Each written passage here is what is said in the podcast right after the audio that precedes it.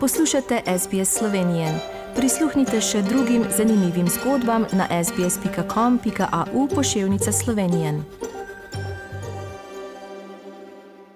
Nadaljujemo današnjo slovensko oddajo na radiju SBS v soboto 28. augusta. Sedaj se selimo v Slovenijo in na bolj veselo temo. Sicer povabili smo umetniškega vodja in tudi predsednika slovenskega okteta, ki letos praznuje 70. obletnico delovanja. Najprej ga seveda lepo pozdravljamo na slovenski vdaji v Avstraliji. Dober dan, Jože Vidic. Dobar dan, želim, pozdravljeni. Najprej seveda vam čestitamo ob vaši 70. obletnici. Seveda slovenski oktet je poznan kot vodilno slovensko vokalno skupino in tudi ima širok repertoar od recimo ljudskih pesmi do klasike. Ampak morda najprej malo več o, kako se je pravzaprav recimo slovenski oktet pričel v davno leto tisoč devetsto enainpetdeset in mogoče zakaj? Ja, slovenski oktet je bil ustanovljen leta tisoč devetsto enainpetdeset, sedemindvajsetega septembra v Ljubljani v Slovenski filharmoniji. Samo pobudo za nastanek slovenskega okteta so dali Slovenci, ki živijo izven matične domovine. Skratka, izseljenci, ki so živeli po svetu. Glavna pobuda je prišla iz Clevelanda, iz Amerike. In tako so začeli načrtovati že dobro leto pred tem gostovanje neke glasbene skupine iz Slovenije v Ameriko. In potem so iskali pravo skupino, niso jo našli. Tako da so se odločili, da bodo sestavili novo skupino. In vanjo so povabili preko trideset pevcev, da bi prišli na avdicijo, in tako so potem izbirali in izbirali in izbrali osem pevcev. Med njimi res dobre zborovske pevce, ki so prepevali v vodilnih ljubljanskih zborih. In med njimi tudi operne soliste, prvake ljubljanske opere. In tako so postavili in trasirali pot v svet slovenskemu oktetu, ki je tistega leta začel z delovanjem. In je potem v bistvu iz te zgodbe potovanja med izseljence, ki ki sicer dolgo časa ni bilo, kar dvanajst let, šele so šli kasneje potem po svetu. Ampak v tem času se je ansambel naredil in naredil lep repertoar in lep, ugleden, ugleden ime si je ustvaril. In tako je ansambel začel delati in delal in tako dela še danes. In v teh sedemdesetih letih je tudi verjetno bilo nekaj zamenjav zasedb.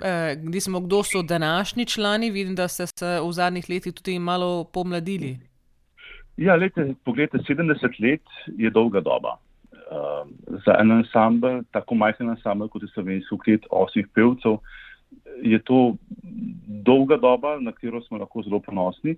Ampak v tem času je pač potrebno tudi pomladiti ansambel, da ansambel lahko živi naprej. Prva generacija se je že dolgo časa nazaj poslovila, tako da danes v slovenskem oktetu prepevajo poleg nas, ki smo že kar nekaj časa v ansamblu, sam sem v tem ansamblu že petindvajset let, skupaj z Janezom Trillerjem, ki in Matejem Wojetom na basu.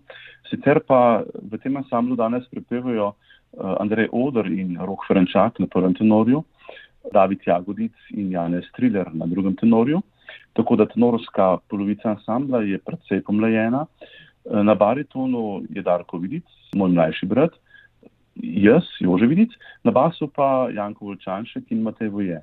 Precej pomlajena zasedba, ampak to dobro vpliva na zvok ansambla, ker zvok ansambla mora biti mlad, prožen, vitalen in tako sedaj živimo s to mlado ekipo in se veselimo prihodnosti. In od leta dva tisoč osem ste tudi vi umetniški vodja, ampak da povemo tudi poslušalcem, ste tudi prvak Slovenskega narodnega gledališča Opera in balet Ljubljana. Kako pa se je pričela vaša pevska pot? Ja, glasbena, poklicna glasbena pot se je začela pravzaprav pred tridesetimi leti v tedaj novoustanovljenem Slovenskem komornem zboru, ki ga je ustanovil doktor Mirko Cuderman. To je bil prvi poklicni koncertni zbor v Sloveniji. Jaz sem bil takrat del tega zbora, najmlajši član, izbran v ta zbor. Potem kasneje sem postal tudi solist, sem gostoval v Ljubljanski operi kot solist. Kasneje sem bil za nekaj časa član zbora Ljubljanske opere, no od leta 2000 sem pa solist Ljubljanske opere in že kar dolgo časa tudi prvak Ljubljanske opere. Skratka, solist v tej nacionalni operni hiši v Ljubljani. In ja, pod slovenskim oktetom se pa nekako začela z nekim neključjem, ki pa mogoče ni neključje. Dodanji umetniški vodja Anton Nanut je gostoval v Ljubljanski operi in tam me je slišal, uh, povabil na audicijo in so se v parih minutah dogovorili, da je to to, da sem tisti njegov izbor in tako sem bil sprejet v slovenski oktet. Bil sem že takoj v začetku postavljen za vodjo ansambla, um, tudi kot asistent umetniškega vodje. Tako da, ja, tako šla pot in tako gre pot še danes. In kaj vam pomeni biti član uh, slovenskega okteta? Joj, veste, slovenski oktet je vrhunska glasbena znamka. Uh, jaz sem kot mlad fant poslušal slovenski oktet, se navduševal nad njim, ga občudoval in potem tudi povabil na ta sestav. To je nekaj, ne vem, to je nekaj najlepšega, kar se recimo mlademu pevcu lahko zgodi, ki ima rad to vrsto glasbe. Zanimiva zgodba je, povezana s slovenskim oktetom, povezana z Bogdanom Pogačnikom, povezana s Tonatom Kozevčarem, ki je bil prvi predsednik, drugi organizator in baritonist v slovenskem oktetu.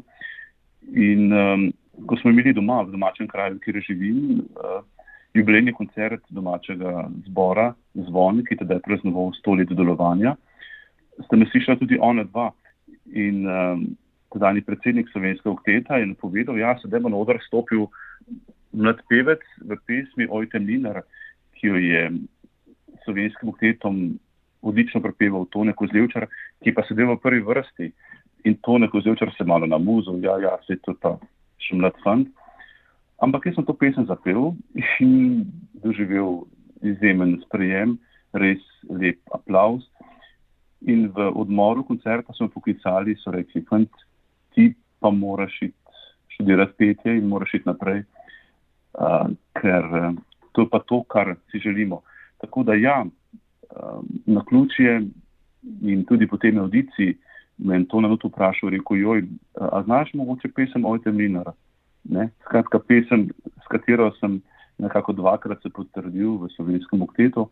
Ja, je to velika čast tudi za mene, kljub temu, da sem solist, uh, da da prepevam velike, velike baritonske vloge, nosilni repertoar držim v hiši, pa kljub vsemu ostajam v slovenskem opetu in sem vesel in ponosen, da sem lahko član tega res odličnega sestava.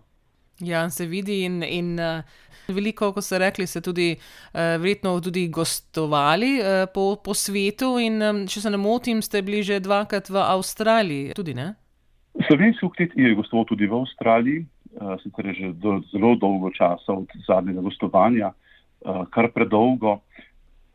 Želimo si, da bi šli tudi mi s to mlado generacijo po svetu, ampak vendar je situacija v svetu sedaj takšna, da onemogoča to lahkotno potovanje po svetu. Umitve zaradi COVID-a so res velike, tako da upam, da se bomo čim prej prekužili, da bomo čim prej zdravi, da bo situacija v svetu takšna, da bo omogočala, da bomo lahko tudi nadaljevali s tem našim poslanstvom, to se pravi s potovanjem po svetu, z obiskovanji slovenskih skupnosti. In upam, da bo to kmalo. Želimo si, da bo to kmalo. Ne vemo pa ne, kdaj pa bo. Ja, mi tudi, eh, ne naši poslušalci, tisti, ki se spomnijo zadnjič, eh, ko ste bili tukaj, seveda, in eh, ki vas radi poslušajo. Tudi, in naj rečemo, tudi slovenski oktet je tudi prejel število nagrad in izdal tudi več kot 60 plošč in kaset in zgoščenk. In pred kratkim ste tudi izdali novo ob 70. obletnici. Drži, oktet je res veliko snemal, veliko plošč izdal.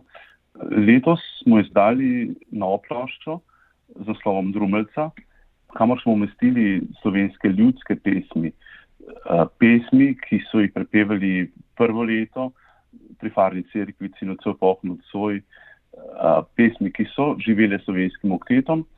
In potem smo naredili tak lep prerez skozi zgodovino slovenskega okteta, vse do skladb, ki so nastale v zadnjem obdobju. Tako da smo naredili eno tako res lepo ploščo uh, z najlepšimi pesmimi, ki jih je prepeval slovenski oktet, nocoj poh nocoj, uh, ribniška, venci veli, zrelo je žito skratka, skladbe, ki so lepe, prijetne. Uh, sama plošča pa tudi res lepa, z lepim motivom otoka Bleda. Ja, smo veseli in ponosni, da smo lahko izdali in upam, da bomo kmalo lahko zopet snemali in nadaljevali tudi s to našo dejavnostjo založništva. Ob koncu seveda najnega pogovora bomo slišali tudi eno tako skladbo iz vašega najnovejšega projekta, slovenskih ljudskih pesmi. Eh, kako pa boste praznovali 70. obletnico? Rekli ste, da je uradno eh, konec septembra. Eh, rojstni dan slovenskega okteta je 27. september, malo pred polnočjo. Kako bomo praznovali pravzaprav na ta dan, težko rečem, ker smo še tako malo v pričakovanju uh, zaostritev ukrepov, jaz upam, da ne bodo prehudi. Uh, bo pa slovenski oktet imel v naslednjem letu ta svoj veliki uh, koncert, uh, ker kot konc koncev želimo, da je koncert velik, da je namenjen občinstvu, ne samo, da je zaprti krok ljudi, ampak da je za veliko število ljudi. Tako da dogovarjamo se za en velik koncert v Ljubljanskih križankah. Eh, in upam, da bo takrat možno, da bomo lahko ta koncert izvedli sproščeno, brez pretiranih omejitev druženja eh, v občinstvu in tudi pri nas. Ja, upamo, da, da bo res tako, da boste lahko lepo praznovali in imeli ta eh, lep koncert eh, tam v Križankah. Eh, Jože Vidice, umetniški vodja in predsednik slovenskega okteta, hvala, da ste se danes oglasili našim poslušalcem v Avstraliji. Še enkrat vam čestitamo v vaši 70. obletnici in da boste veselo praznovali in morda, kot smo rekli, ko se razmere malo pomirijo, da vas bomo tudi ponovno videli tudi v Avstraliji pa, ali pa v Sloveniji.